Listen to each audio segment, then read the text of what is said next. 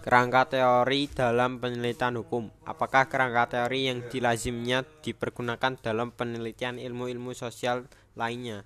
Seperti misalnya sosiologi dapat pula diterapkan dalam penelitian hukum. Sudah tentu dapat akan tetapi hanya ada penelitian hukum sosiologi atau empiris. Itu pun harus dilengkapi dengan kerangka teoritis yang didasarkan pada kerangka acuan hukum. Kalau tidak, maka hasil penelitian hanya akan berguna bagi sisiologi, tapi kurang relevan bagi ilmu hukum.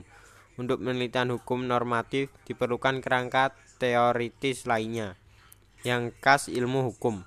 Agar masalahnya menjadi jelas, maka disajikan beberapa pokok teori Hans Kelsen yang dapat dijadikan kerangka acuan pada penelitian hukum normatif.